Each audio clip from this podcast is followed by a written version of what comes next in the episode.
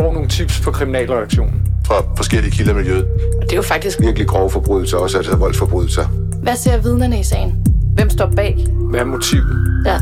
Konflikt imellem Forskellige grupperinger. Drab. Vold. Hævn. Hver uge vender vi aktuelle kriminalsager på Ekstrabladet.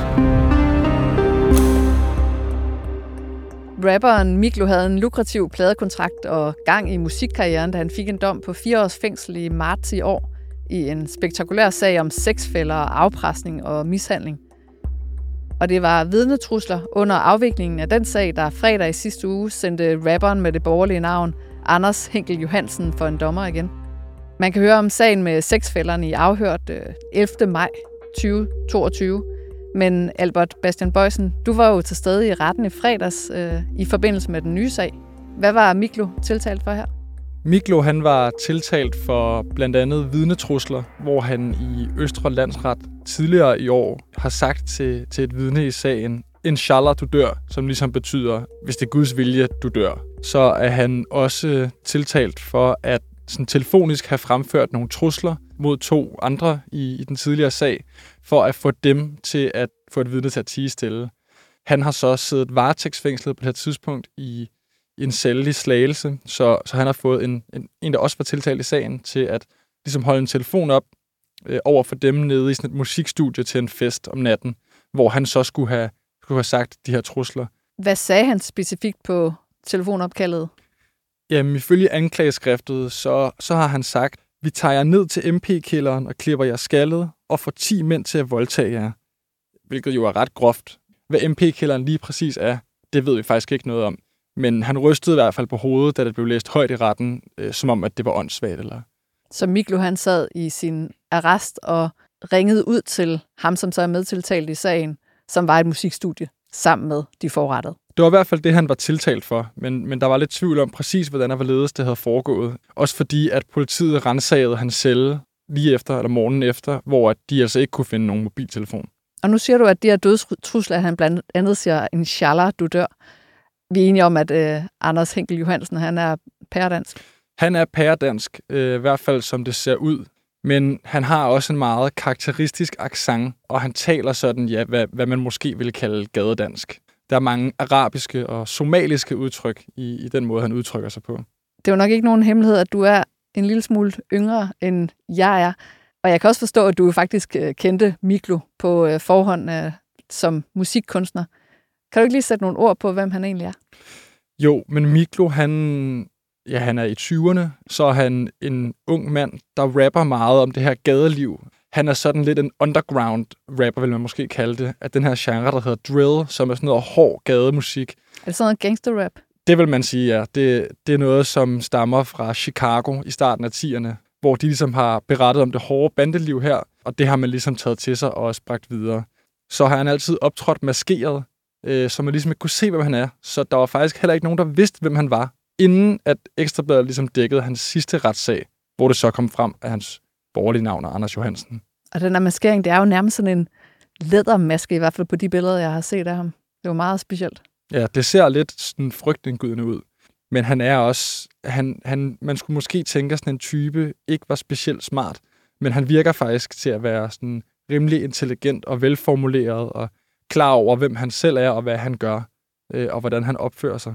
En faktum er, at han havde faktisk gang i en musikkarriere på det her tidspunkt, hvor han blev anholdt og sigtet i sagen om uh, sexfælderne. Det er ikke bare sådan en, som vi siger, han var en kendt musiker. Nej, hvis man skal sætte nogle tal på det også, så kan man sige, at hans mest streamede sang på Spotify i hvert fald uh, næsten har 6 millioner afspilninger, som jo er en, en rigtig god chat.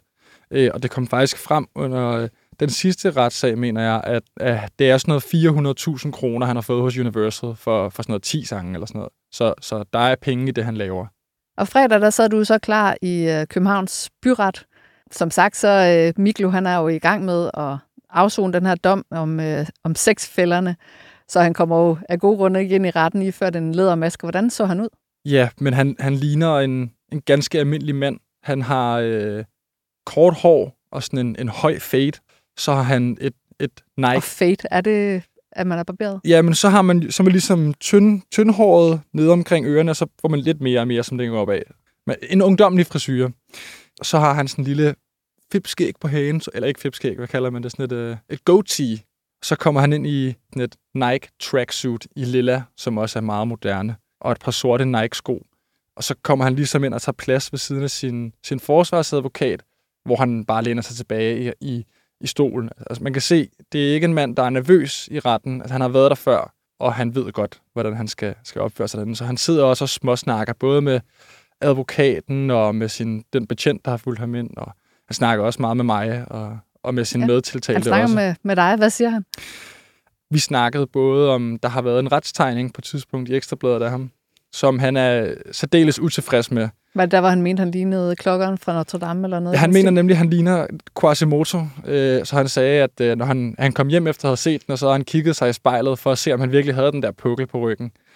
Så spurgte han, om jeg ikke kunne tage et billede af ham. Det kunne man af gode grunde ikke. Det må man ikke ind i retten. Nej, så, så spurgte han også sådan, når man kunne se, at han havde trænet, øh, om jeg kunne skrive det om hans overarm så store ud. Kunne man se det? Det, det synes jeg godt, man kunne. Han så godt ud. Der er nogen, der har skrevet på hans Instagram, mens han har siddet inde, øh, at han har spist godt i fængslet, som man ligesom siger til folk, at der, de har taget lidt på, ikke? Øh, fordi der var et billede af ham. Men jeg synes, det ligner, at han, har, han, har, han holder formen derinde. Det, han siger også, at han træner meget. Og så snakker vi lidt om hans tekster kort også. Han har engang nævnt ekstrabladet i en sang, så det var jeg lidt nysgerrig på. Sylvester svinknøst, jeg bladet ikke ekstra fang Jeg går med stok ligesom Lester Bitch, vi ikke gønner dagen ind i Vester Så meget tid har jeg spildt ind i fængsler mit klør op, og det er derfor I visker men han siger, at Ekstrabladet er bare chit-chat, men han respekterer det. Så, snakke, så sagde han også, at han synes, at øh, han var gode venner med Ekstrabladet efterhånden, fordi han havde, havde snakket med flere også. Altså, det jo lyder som om, han tager det, sådan, uh, det hele lidt let, men altså, faktum er jo, at vidnetrusler, det er en alvorlig sag. Hvad sagde anklageren omkring, hvorfor det var, at han skulle dømmes for det her? Jamen, anklageren, øh, hun lagde meget vægt på det her med, at det skal ikke være gratis at tro vidner i retten, og hvis vores retssystem skal fungere, så skal det simpelthen ikke være en mulighed, at man kan truppe op i Østre Landsret og sige sådan nogle ting som, at jeg håber, du dør. Ej, man har jo brug for, at vidner de tør og give deres besøg med. Ja, præcis. Og det, det vidne, han så har troet der, hun skulle faktisk også vidne i den her sag, men er heller ikke dukket op. Anklageren lagde også vægt på, at han tidligere er dømt for personfarlig kriminalitet. Øh, Så netop det her med, at, altså, at man ikke kan tro andre, især når det viser sig, at man, man er voldsparat. Og så var der jo uh, Miklus forsvarer, Danny Richter. Han mente jo til gengæld, at sagen den var lidt øh, fluffy og påstand mod påstand. Hvad var hans argumenter? Ja, hans argumenter var, at lige netop det her med påstand mod påstand, fordi at der ikke er nogen sådan hårdførte beviser i den her sag. Altså, man har ikke kunne finde nogen telefon i, i Miklos celle. Man har ikke kunne finde nogen beviser på den medtiltaltes telefon. Så i virkeligheden så er det jo en beretning mod en anden beretning. Øh, desuden så mente han også, eller fremlagde i hvert fald, at, at det her med at, at sige, inshallah du dør, det er mere hen i retning af, jeg håber du bliver ramt af en bus og dør, eller jeg håber du bliver syg og dør. Og at det altså ikke er strafbart at ønske, at nogen dør, øh, men det er strafbart at tro andre. Så det, det var ligesom hans argument for det. Og så var der også den her særlige accent, som du taler om, øh, at Miklu han taler med en, hvad kan man sige, sådan gadeslang øh, accent, som også øh, spillede en rolle i forbindelse med det her telefonopkald til musikstudiet. Ja, netop, fordi de, de to, der er blevet troet over telefonopkaldet her, øhm, de kunne genkende, at det var hans accent. Der er ikke nogen optagelse af det, men på det her telefonopkald. Og der, der sagde Danny Richter også, altså, at, at man kan ikke bare sige, at de kunne genkende, at det var ham. Man skal have en fonetiker, som har øh, arbejdet i mange år med stemmegenkendelse, og så skal man have en optagelse af det. Men det endte jo altså med, at, øh, at øh, retten øh, dømte Miklo, og han endte med at få en tillægsstraf på tre måneders fængsel, som jo så kommer oven i dommen på fire år for sagen med seksfælderne. Man har jo som tiltalt ret til at få det sidste ord, og det kan jeg forstå, at øh, Anders Henkel Johansen Miklo, han ikke benyttede sig af, men så da dommen var faldet, så tog han pludselig ordet. Hvad sagde han?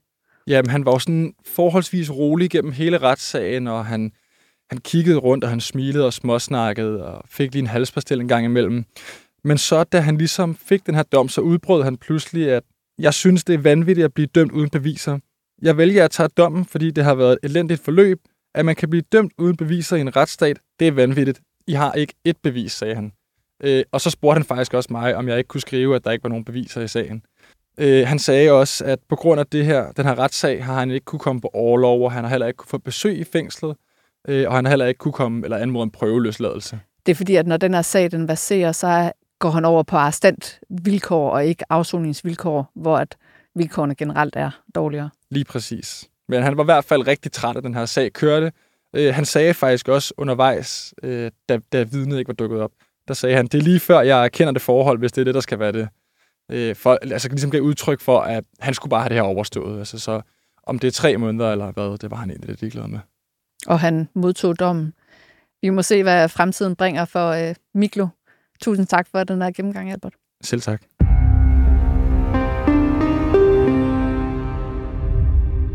Man troede nærmest ikke sine egne øjne, da Sydsjællands og Lolland Falsters politi i en pressemeddelelse i fredags fortalte, at de havde anholdt to banderelaterede mænd for at have bundet to personer til hver deres stol og sat ild til dem. Motivet det skulle angiveligt være, at offrene havde forbrudt sig mod klubbens interne adfærdskodex.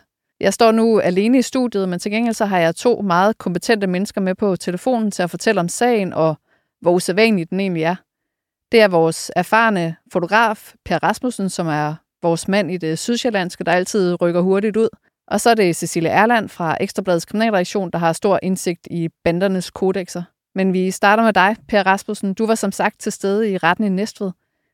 Hvad skete der ifølge sigtelsen? Ifølge sigtelsen, så skulle de i øh, forening eller fælles forståelse, som det hedder, have afstraffet to personer fra samme omgangskreds ved at have bundet dem på hver sin stol og efterfølgende overhældt dem med en eller anden form for brandbare væsker og sat ild med en lighter. Ja, det lyder jo helt vildt. Det, det lyder helt, helt vanvittigt.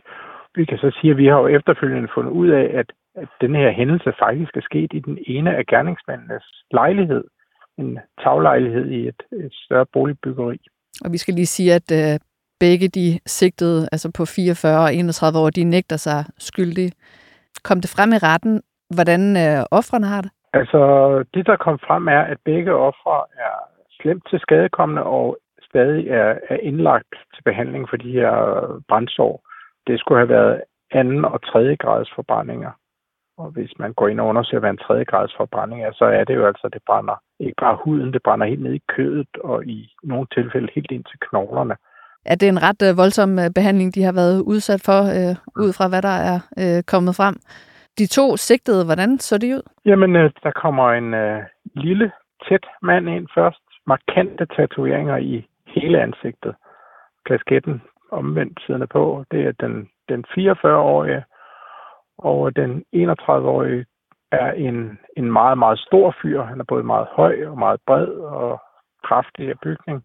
Med sådan karakteristisk, vil jeg sige, bandepåklædning med, med store kamphunde på, på ryggen af, af tøjet og, og sådan noget cargobukser og sådan noget. De fremstod i første omgang sådan meget rolige. De sagde faktisk nærmest ingenting. Alt gik igennem deres forsvarsadvokater. Efter sikkelsen så bliver dørene lukket, og der bliver også øh, nedlagt et navneforbud. Det er også derfor, vi ikke kan gå nærmere ind i, i tatovering og, og, og sådan nogle ting, fordi de er så markante, så det vil afsløre personen. Så du blev øh, smidt ud, ligesom i øvrigt øh, øvrige pressefolk og jo også øh, tilhører. De to mænd de nægter sig altså skyldige, men blev forløbig varetægtsfængslet frem til 21. december, og det kom frem i kendelsen, at der er en eller anden form for optagelse, om det er video eller lyd, der i hvert fald danner grundlag for varetægtsfængslingen. Altså man kan spekulere i, om øh, det er fordi, at selve den her afstraffelse, den er blevet øh, optaget. Men det bliver vi jo altså meget klogere på, når dørene engang bliver åbnet til sagen. Cecilia Erland, så vender jeg mig mod dig. Øh, Kim Kliver, politiinspektøren, han kalder den aktuelle sag for ualmindelig afstumpet og en uhørt adfærd, og siger, at motivet det skulle være en afstraffelse i bandemiljøet, hvor offrene har forbrudt sig mod klubbens interne adfærdskodex. Ja. Der kom jo også navneforbud i sagen, men kan du nærme dig, hvad det er for en slags klub, vi taler om, uden at bryde navneforbuddet? Ja, altså det kan jeg godt, og man kan sige, normalt så ville vi jo øh, på det her tidspunkt også sige, trods et navneforbud, hvor at de kom fra, hvis det var en af de store klubber, altså Hells Angels eller Banditos for eksempel. Men man kan sige, at der er så få med i den her klub, at det nok ville identificere dem. Men der er tale om sådan en mere lokalt forankret klub, hvor at flere af dem, der er med, altså det er en rockerklub med veste på, øh, og dem, der er med, det er nogen, som tidligere har været en del af Banditers i, øh, i Næstved, ifølge vores oplysninger. Og de hed tidligere United Tribunes, øh, men har så siden skiftet navn. Og øh, ifølge vores kilder, så er de øh, bejler de lidt til den her meget store verdensomspændende klub Outlaws, som, øh, som mange igennem tiden har forsøgt at bygge op i Danmark uden held faktisk. Ja, Per Rasmussen han mødte jo øh, den 44-årige sigtedes øh, ekskone i retten, og hun sagde jo faktisk også, at han øh, ikke har lagt skjul på over for hende, at han er og længe har været involveret i bandemiljøet. Så det er i hvert fald bekræftet fra den øh, side af. Cecilia, jeg startede med at sige, at man nærmest ikke troede sine egne øjne, da pressemeddelelsen kom. Altså, at der var nogen, der var blevet bundet til en stol og sat ild til. Ja. Men hvor usædvanligt er det egentlig med en så voldsom intern afstraffelse i det her miljø? Altså, som du selv siger, det her med, at der er nogen, der ligesom bliver brændt levende, det, det virker jo som noget fra fra en meksikansk gangster, øh, gangsterfilm. Og heldigvis gik det da ikke her så galt, at de døde. Nej, men... nej de overlevede øh, heldigvis, og, og nu ved man jo så ikke, hvor, altså der, der stod, de havde alvorlige forbrændinger øh, på kroppen, så, så man kan sige, det er jo ikke sikkert, at de klarer, klarer fuldstændig frisag, desværre. Men, men når det så er sagt, så altså, øh, blev jeg da også super overrasket, da, da jeg læste det her, altså, og tænkte også, at det her det er virkelig et, et nyk op. Men når man så alligevel gennemgår øh, de tidligere sager med, med de her interne afstraffelser, så må man sige, at det er jo i hvert fald ikke øh, usædvanligt, at det ender med, at et offer enten er i livsfar eller eller dør af de her afstraffelser. Altså, øh, jeg vil sige, at, at noget af det, man ofte taler om i miljøet, det er, at de interne afstraffelser ofte faktisk nærmest er mere brutale og mere øh, hævngærige på en eller anden måde, end, end det, der går ud over måske rivaler. Altså, Hvordan kan det være? Ja, det er et godt spørgsmål. Altså, man kan sige, ofte så er det jo, fordi der er noget mere personligt i det også. Altså det har den her, øh, altså oftere sådan mere karakter af mishandling frem for de her, øh, ek- eksempelvis et bandeskyderi, hvor at det, det mere måske handler om, at man skal have øh, dræbt et medlem af en rivaliserende gruppe.